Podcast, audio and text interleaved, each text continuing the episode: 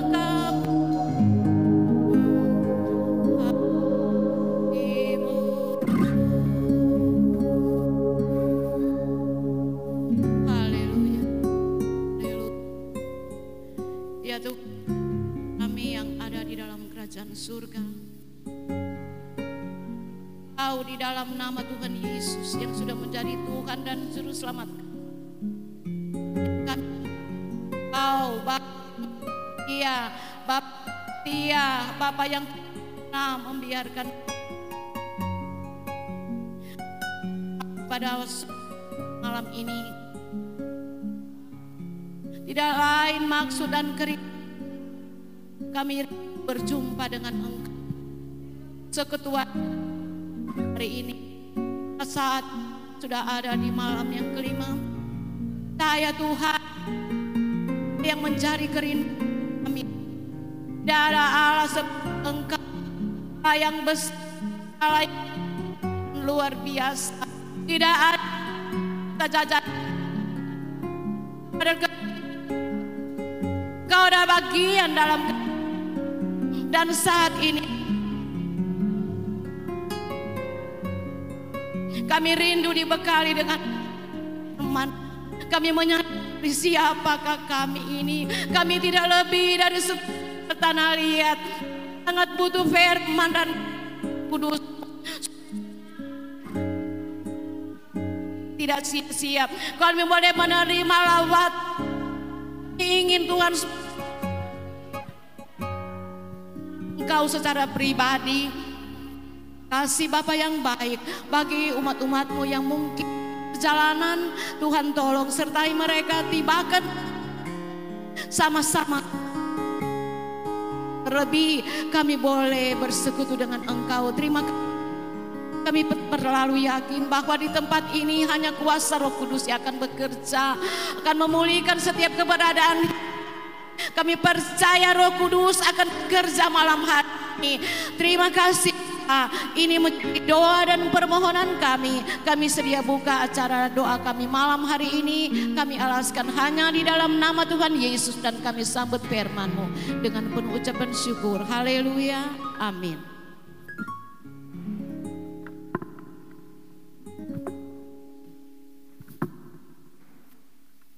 Puji Tuhan, kita akan mendengarkan bagian firman Tuhan. Ibu Gembala akan melayani.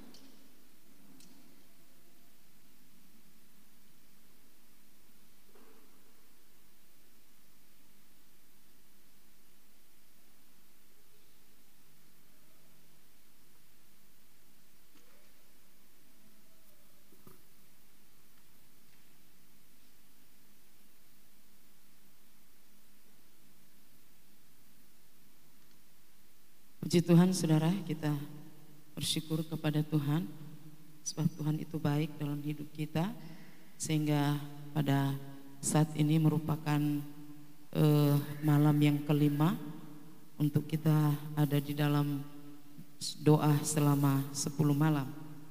Dan kita akan uh, melihat pembacaan firman Tuhan yang kami ambil dalam kisah pasalnya kisah Rasul kisah para Rasul 1 mulai ayat yang ke-6 sampai ke-8. Kisah para rasul yang pertama mulai ayat yang ke-6 berbunyi demikian. Maka bertanyalah mereka yang berkumpul di situ, Tuhan, maukah engkau pada masa ini memulihkan kerajaan bagi Israel? Jawabnya, engkau tidak perlu mengetahui masa dan waktu yang ditetapkan Bapa sendiri menurut kuasanya. Ayat 8. Tetapi kamu akan menerima kuasa kalau Roh Kudus turun ke atas kamu dan kamu akan menjadi saksiku di Yerusalem dan di seluruh Yudea dan Samaria dan sampai ke ujung bumi. Puji Tuhan Saudara, beberapa buah ayat yang menjadi dasar pemberitaan kita uh, untuk kebenaran firman Tuhan. Nah, saudara-saudara, uh, siapa pun kita yang ada pada malam ini, kita punya kerinduan yang sama supaya dalam pujian penyembahan kita, kita boleh menikmati hadirat Tuhan itu ada dalam kehidupan kita.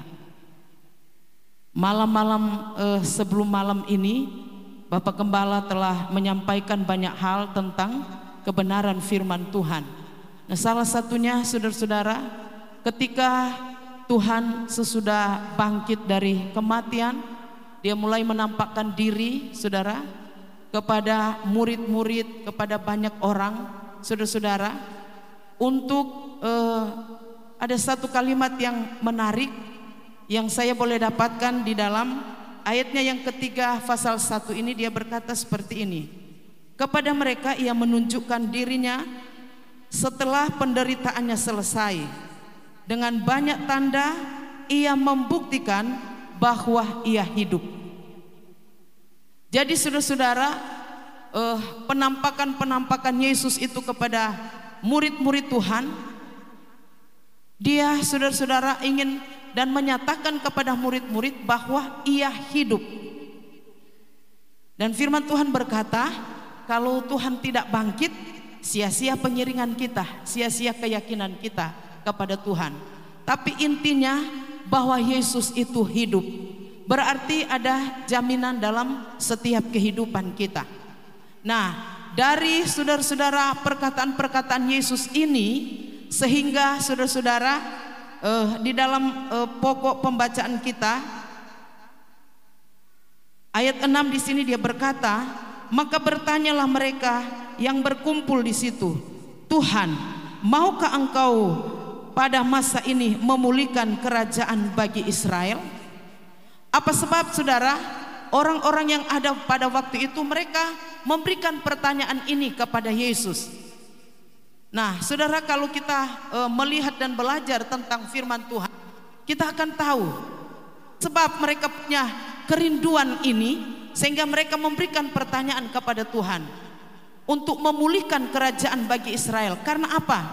Kita tahu persis bahwa pengalaman daripada orang-orang Israel ini ketika dilepaskan dari tanah Mesir mereka berada dalam masa-masa yang eh, masa-masa kejayaan mereka menikmati segala pertolongan Tuhan melalui Raja Daud, Raja Salomo yang Tuhan kan saudara untuk menjadi pemimpin bagi Israel dan mereka menikmati masa kejayaan mereka yang sangat luar biasa sehingga saudara ada kebanggaan-kebanggaan tersendiri di masa-masa kejayaan mereka. Tetapi seiring waktu saudara-saudara dengan adanya sikap di orang-orang Israel yang berubah setia kepada Tuhan mengakibatkan mereka Tuhan bawa kepada masa-masa yang sukar untuk kehidupan mereka karena mereka sudah jauh dari hadirat Tuhan. Mereka tidak lagi melakukan apa yang menjadi keinginan Tuhan sehingga sampai mereka mengalami pembuangan di Babel selama kurang lebih 70 tahun membuat mereka mengalami hal-hal yang sangat sukar dan sulit sehingga hal-hal ini saudara menjadi satu kerinduan mereka. Kalau boleh Tuhan mulai kerajaan bagi Israel. Balikan seperti apa yang uh, nenek moyang mereka pernah alami. Tapi saudara-saudara, Tuhan tidak iya, nanti. Nanti kita akan pulihkan kerajaan bagi Israel. Tetapi ayat 7 dia berkata berkata kepada mereka, kamu tidak perlu tahu masa dan waktu itu ada di dalam kekuasaan Tuhan. Tetapi ayat 8 di sini dia berkata, tetapi kamu akan menerima kuasa kalau Roh Kudus turun ke atas kamu. Ini saudara Yesus berikan gambaran kepada orang pada waktu itu sesuatu hal yang sangat hmm, saudara yang lebih kepentingan dari pemulihan kerajaan bagi Israel. Pemulihan kerajaan bagi Israel saudara yang hanya menimbulkan kebanggaan-kebanggaan secara lahiriah mereka tetapi Tuhan ingin mengingatkan kepada mereka bahwa pemulihan kerajaan Israel bukan hanya tertuju kepada hal-hal bahwa kebanggaan-kebanggaan lahiriah saja, saudara-saudara. Tetapi yang Tuhan tekankan di sini bahwa dia ingin supaya orang Israel atau orang-orang yang ada di sekitar itu mereka mengalami pemulihan tentang kehidupan rohani. Satu pemulihan tentang kehidupan rohani. Karena apa saudara-saudara? Tuhan tahu bahwa orang-orang Israel mereka telah banyak kali menyakiti hati Tuhan.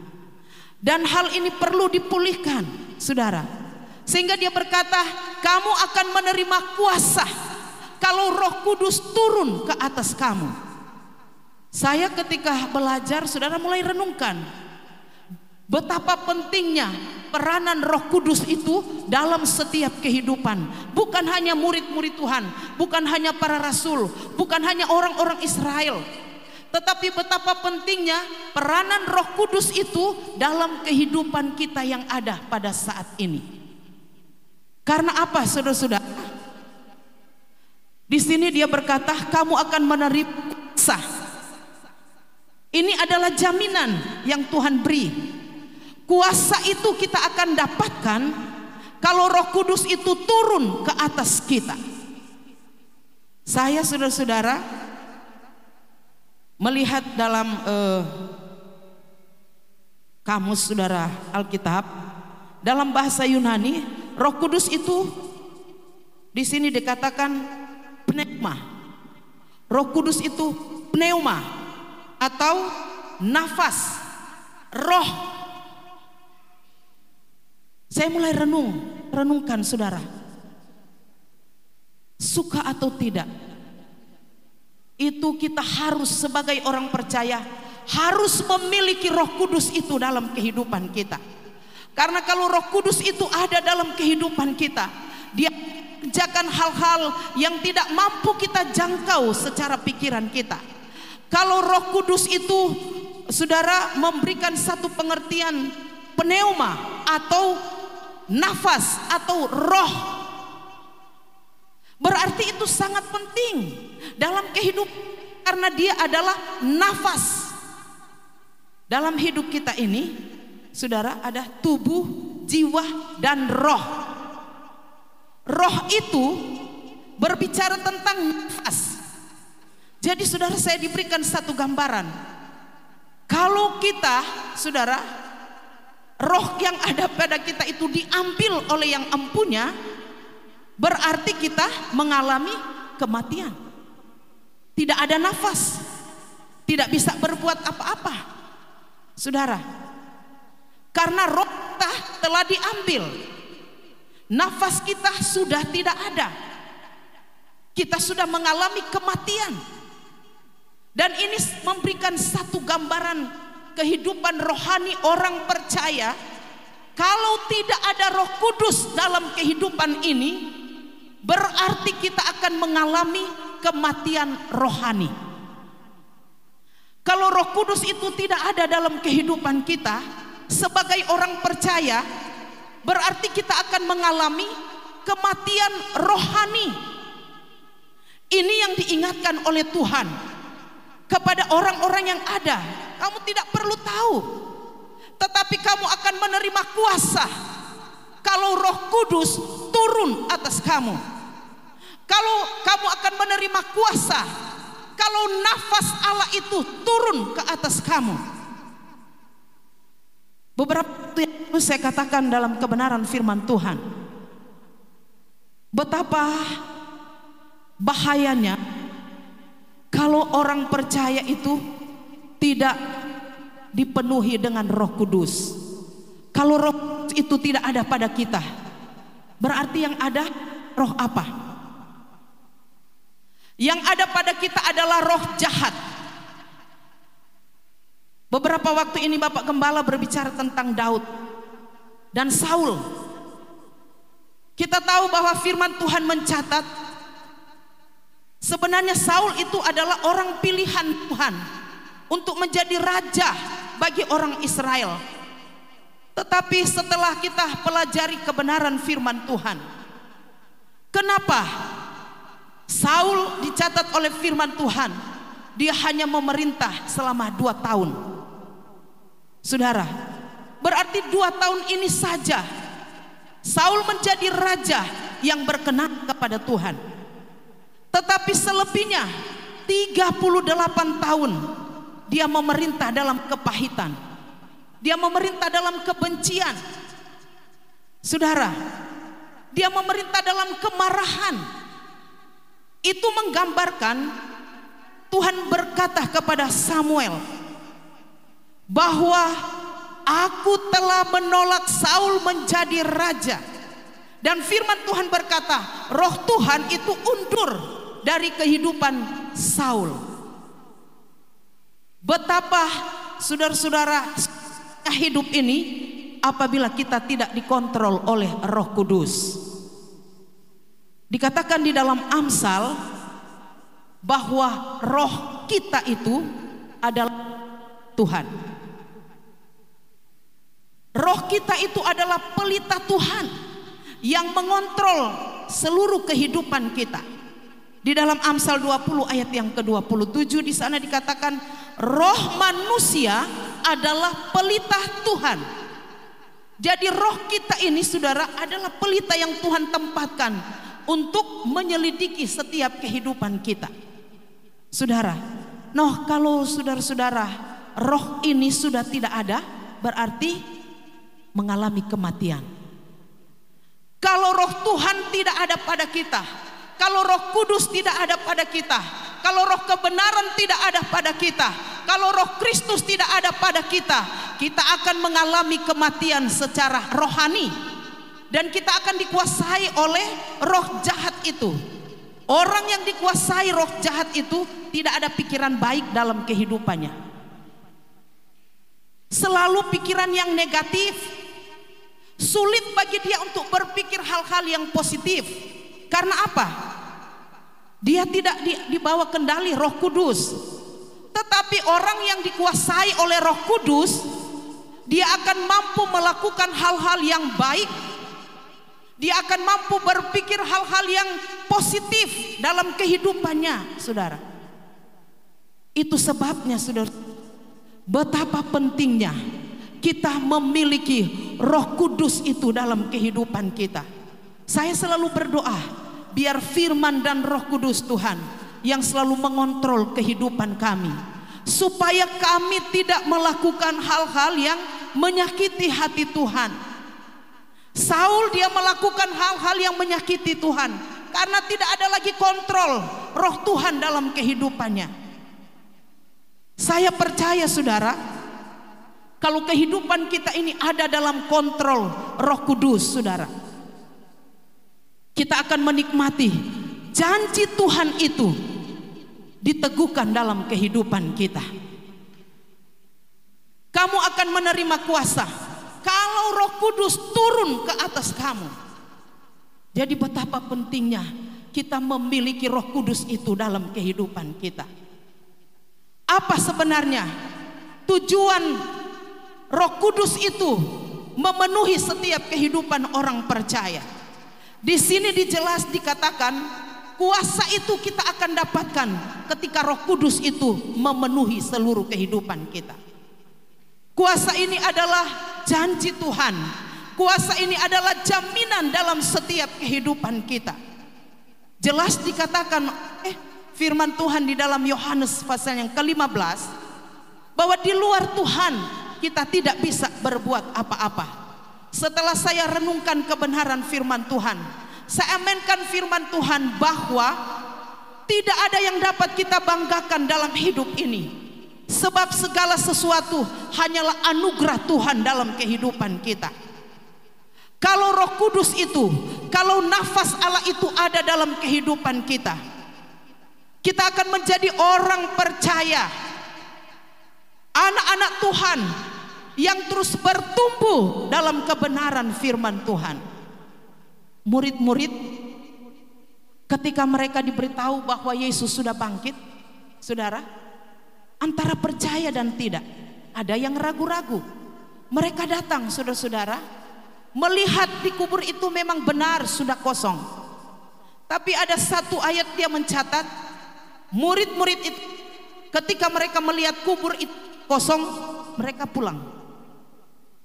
Tidak ada usaha mau cari tahu di mana sebenarnya itu Tuhan itu.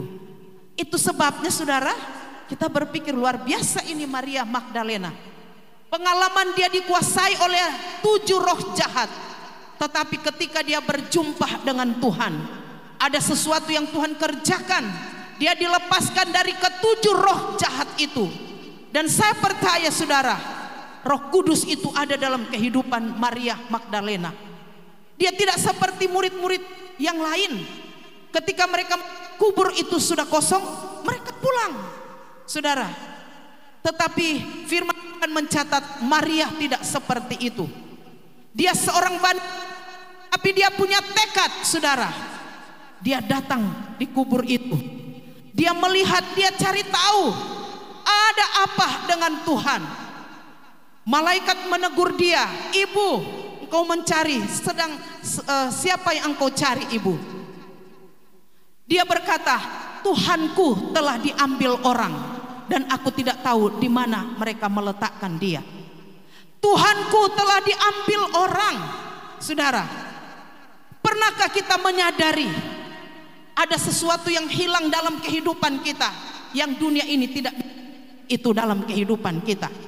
Tapi apa yang hilang kita itu merupakan pemberian Roh Kudus dalam kehidupan kita. Saudara, ada begitu banyak orang Kristen kehilangan berikan pemberian anugerah-anugerah dari Roh Kudus tak bermasa bodoh. Mereka tidak ada usaha untuk mencari yang hilang itu. Tetapi Maria Magdalena dia berusaha untuk mencari sampai dia mendapatkan Tuhan itu dalam kehidupannya. Tuhanku telah diambil orang. Bahkan firman Tuhan mencatat dia menangis, Saudara. Menangis karena apa? Menangis karena dia cari Tuhan Menangis karena dia tahu Tuhan itu sudah hilang, saudara. Saat itulah tangisan daripada Maria, tekad daripada Maria Tuhan itu menyentuh hati Tuhan. Sehingga saudara-saudara, di saat Maria sedang merasa ada kekosongan dalam hatinya, di saat Maria merasa ada kehampaan dalam hatinya, dengan tidak adanya Yesus yang ada pada saat itu, saudara, Yesus datang kepadanya. Maria, Maria, saudara. Maria dia ingat persis suara siapa itu. Karena sekian lama saudara Maria mengikuti Yesus dalam pelayanan-pelayanan. Dan dia melihat bagaimana tanda-tanda heran, mujizat yang dikerjakan oleh Tuhan pada waktu itu. Sehingga ketika suara ini datang, Maria, Maria, Maria langsung dapat tahu, langsung dapat kenal suara siapa itu. Sehingga dia berkata, Rabuni artinya guru. Tapi Tuhan berkata, jangan engkau dekat-dekat. Karena aku belum pergi kepada Bapa. Pergi dan katakan bahwa aku sudah bangkit. Kita melihat bagaimana saudara, Maria dia dibebaskan dari ketujuh roh jahat dan ada roh Tuhan yang berkuasa atasnya. Kamu akan menerima kuasa kalau Roh Kudus turun ke atas kamu. Mari saudara-saudara cari yang hilang. Saudara datang kepada Tuhan, minta kepada Tuhan. Firman Tuhan sudah memberi motivasi kita untuk beberapa malam ini, saudara. Kuasa apa sebenarnya yang Yesus janjikan dalam kehidupan kita? Apa pentingnya kuasa itu dalam kehidupan kita? Saudara kuasa yang ada di dunia ini, kuasa Kuasa yang membuat orang terpuruk. Kuasa yang membuat orang saudara tidak bisa berbuat apa-apa, saudara. Kuasa yang menekan banyak orang sehingga mereka jatuh. Itu kuasa yang ada di dunia, tapi kuasa yang dijanjikan oleh Tuhan. Kuasa di atas segala kuasa yang melebihi yang ada di dunia ini. Di dalam kamus bahasa Indonesia, saya mencatat di sini kuasa punya pengertian kemampuan, kesanggupan, kekuatan, wewenang atas sesuatu dan pengaruh. Ini yang diincar, ini yang dicari oleh banyak manusia di dunia ini. Tetapi kuasa yang saya katakan kuasa di dunia ini Kuasa yang kadang membuat kita hancur, saudara. Kuasa yang membuat kita tertekan. Tetapi kuasa yang dijanjikan oleh Tuhan ketika Roh Kudus itu turun atas kehidupan kita adalah kuasa yang dikatakan seperti dinamit yang mempunyai daya ledak yang tinggi yang menghancurkan saudara. Yang keras sekalipun ketika diledakkan saudara oleh dinamit ini dia akan pasti hancur. Kuasa inilah yang dibuktikan oleh Bapa dalam kehidupan kita ketika kita terima Roh Kudus ada kuasa yang Tuhan beri dalam kehidupan kita.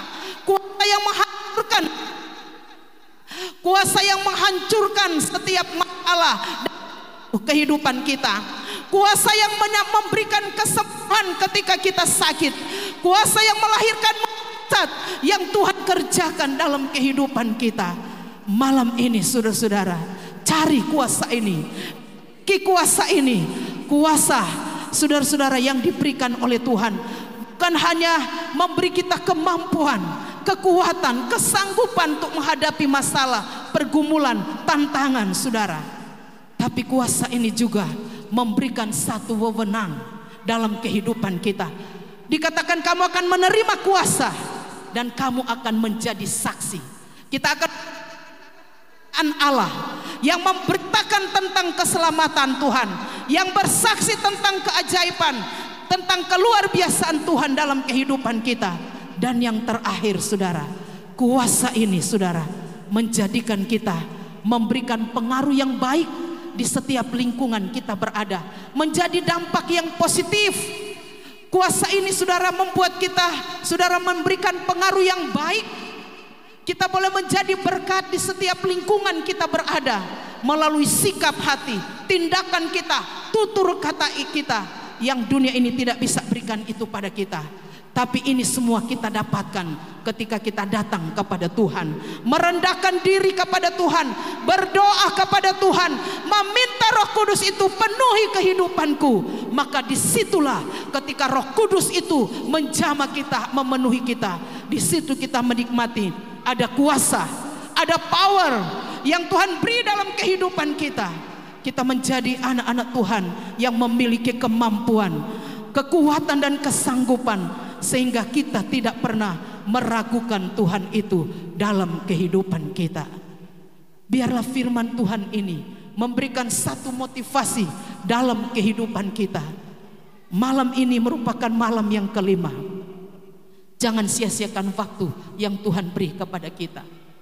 Kalau engkau merasa engkau belum menikmati jamahan Tuhan, jangan engkau putus asa.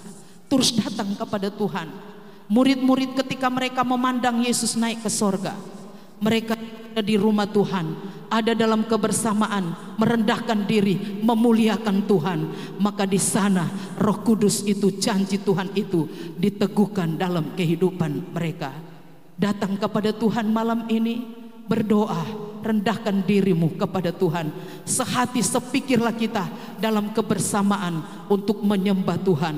Maka saya percaya Ketika kita bersama merendahkan diri, sehati sepikir di hadapan Tuhan, maka Allah Roh Kudus, Dia akan turun memenuhi kehidupan kita dan kita akan diperlengkapi dengan kekuatan kuasa yang dari Tuhan. Haleluya. Puji Tuhan, haleluya. Biar firman Tuhan ini menjadi satu perenungan dalam kehidupan kita. Haleluya. Saya serahkan kepada Bapak Kembali. Mari kita ambil tempat masing-masing. Anak-anak di atas jangan ribut, anak-anak jangan ribut.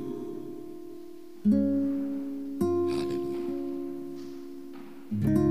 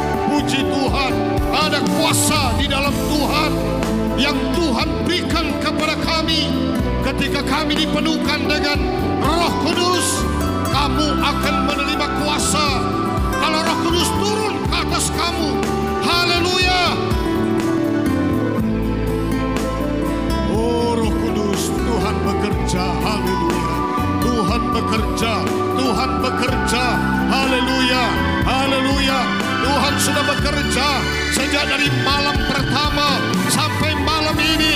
Tuhan bekerja, Tuhan bekerja, Tuhan bekerja. Amin, amin, amin, haleluya. Puji Tuhan, buka hatimu bagi Tuhan. Haleluya,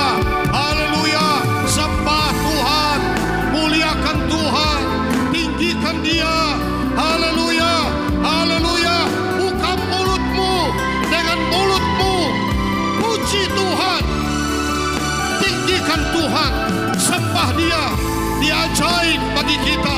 Haleluya, Dia besar bagi kita. Dia sanggup menolong kita. Dia tidak pernah membiarkan kita. Dia menjaga kita siang dan malam. Haleluya. Dia sumber segala berkat. Dia sumber segala yang kita perlukan.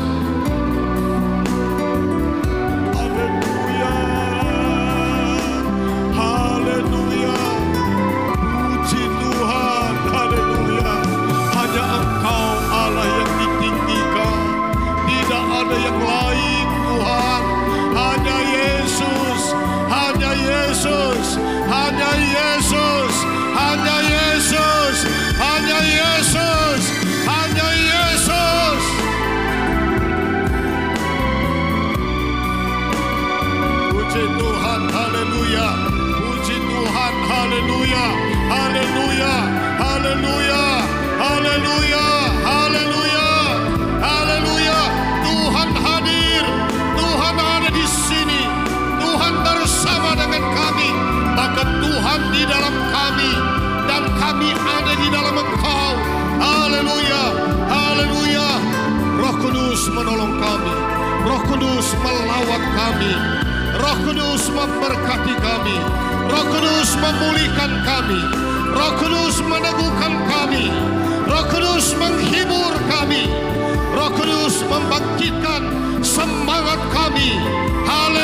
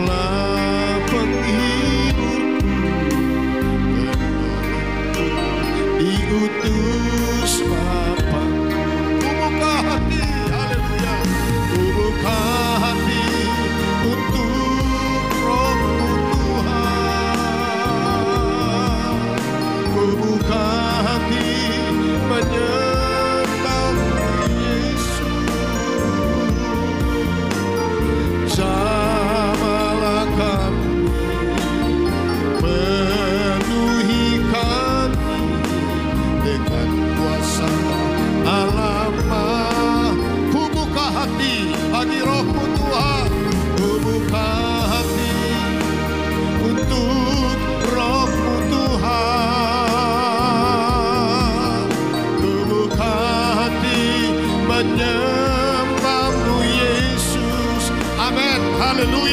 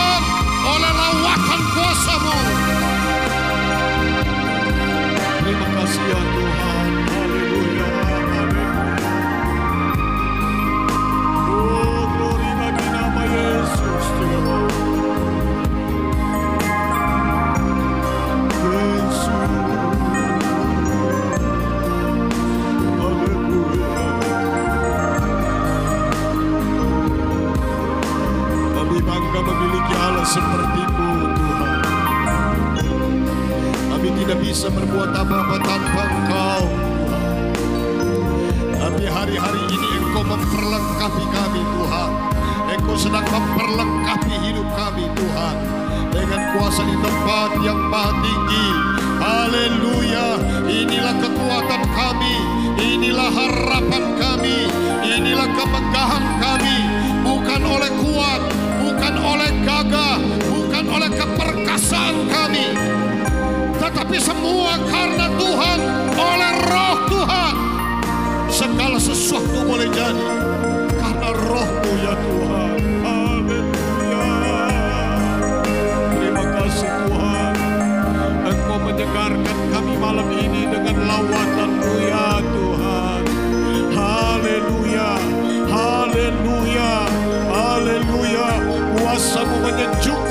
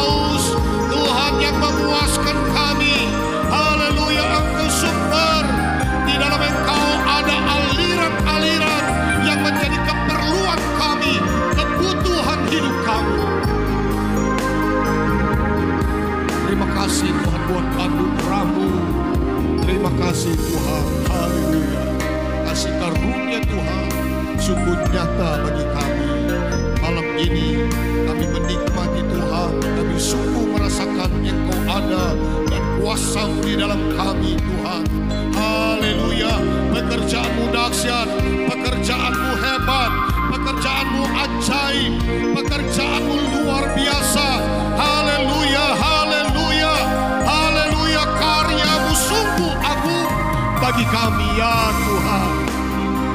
Dunia tidak dapat berikan kepada kami.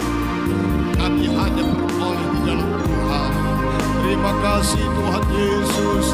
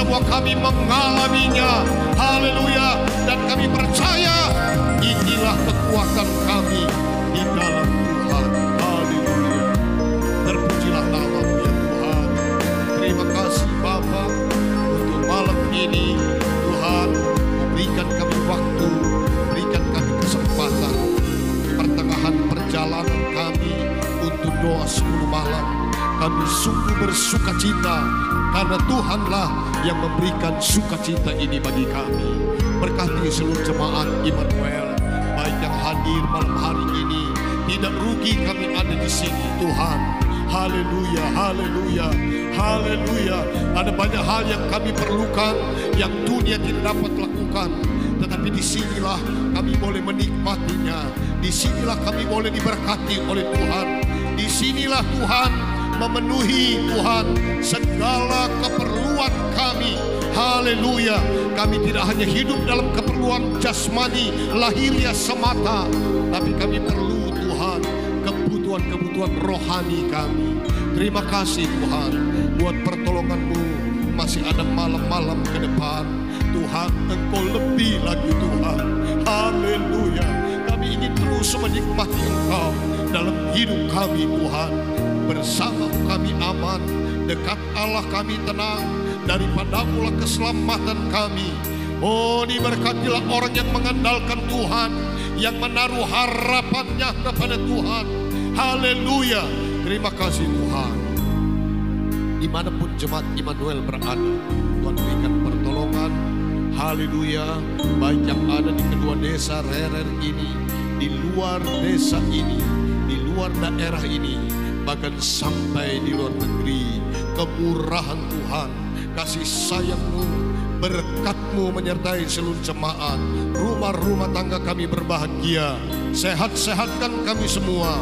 Semua usaha pekerjaan mata pencarian, bisnis jemaat sesuai dengan profesi masing-masing. Dijadikan Tuhan berhasil. Haleluya, haleluya. Bagi Allah tidak ada perkara yang mustahil. Bahkan engkau dapat melakukan bagi kami jauh melebihi apa yang mampu kami pikirkan dan doakan. Terpujilah nama Tuhan. Rukun-rukunkan jemaat. Ikat kami semua menjadi satu dalam kasih Kristus. Semakin hari kami semakin setia di dalam Tuhan. Haleluya. Engkau dipermuliakan. Inilah doa kami. Bangsa dan negara kami Indonesia diberkati. Indonesia diberkati. Masyarakat diberkati. Pemerintah diberikan hikmat yang baik. Seluruh kebijakan pemerintah benar-benar bertujuan untuk mensejahterakan masyarakat. Terima kasih Tuhan, terima kasih Bapa yang baik. Inilah doa kami, apa pun keadaan jemaat, apa pun situasi yang dihadapi, Tuhan kami tetap percaya bahwa Tuhan Engkau Allah yang berjanji, Engkau menyertai kami sampai pada kesudahan alam ini. Bahkan selama-lamanya, roh penolong, roh penghibur, roh kudus akan beserta kami senantiasa selama-lamanya. Terima kasih Tuhan, terima kasih Bapa. Khusus kami berdoa Tuhan. Buat keluarga besar Ratan Sumampo. Kau telah memanggil Bapak Yoceratan setelah melewati satu pergumulan Tuhan sakit yang dia alami. Tapi Tuhan beberapa waktu yang lalu, beberapa jam yang baru lewat ini, dia telah kembali kepada Tuhan. Hiburkan seluruh keluarga. Tuhan, haleluya, kuatkan mereka, teguhkan mereka. Mereka tetap berjalan dalam pertolongan dan perlindungan Tuhan. Semua rencana-rencana, acara sampai pada pemakaman, persiapan mereka. Sebentar juga jemaat akan ada di sana untuk mengadakan dekorasi. Tuhan kiranya engkau memberkati semua dan segala sesuatu dapat dilakukan dengan baik dan semua dalam campur tangan Tuhan. Terima kasih Bapa, terpuji-pujilah namamu. Inilah doa kami. Apabila sebentar kami meninggalkan tempat ini bersama Tuhan dengan kami, tibakan kami tempat masing-masing kami dengan selamat. Terima kasih Bapa, dengarkan doa kami dan penyembahan, pujian kami, permohonan kami malam ini. Tuhan yang telah menjadi jawaban atas kami. Segala kemuliaan hanya bagi Tuhan. Kami akhiri persekutuan ini dalam nama Tuhan Yesus Kristus. Saudara-saudara, terimalah berkat kasih karunia dari Allah Bapa kita di sorga. Kemurahan dari Tuhan Yesus Kristus. Persekutuan Roh Kudus menyertai kita malam ini sampai Maranatha Tuhan datang kembali. Kita tetap taat dan setia kepadanya. Hanya di dalam nama Tuhan Yesus Kristus, haleluya. Bapa di dalam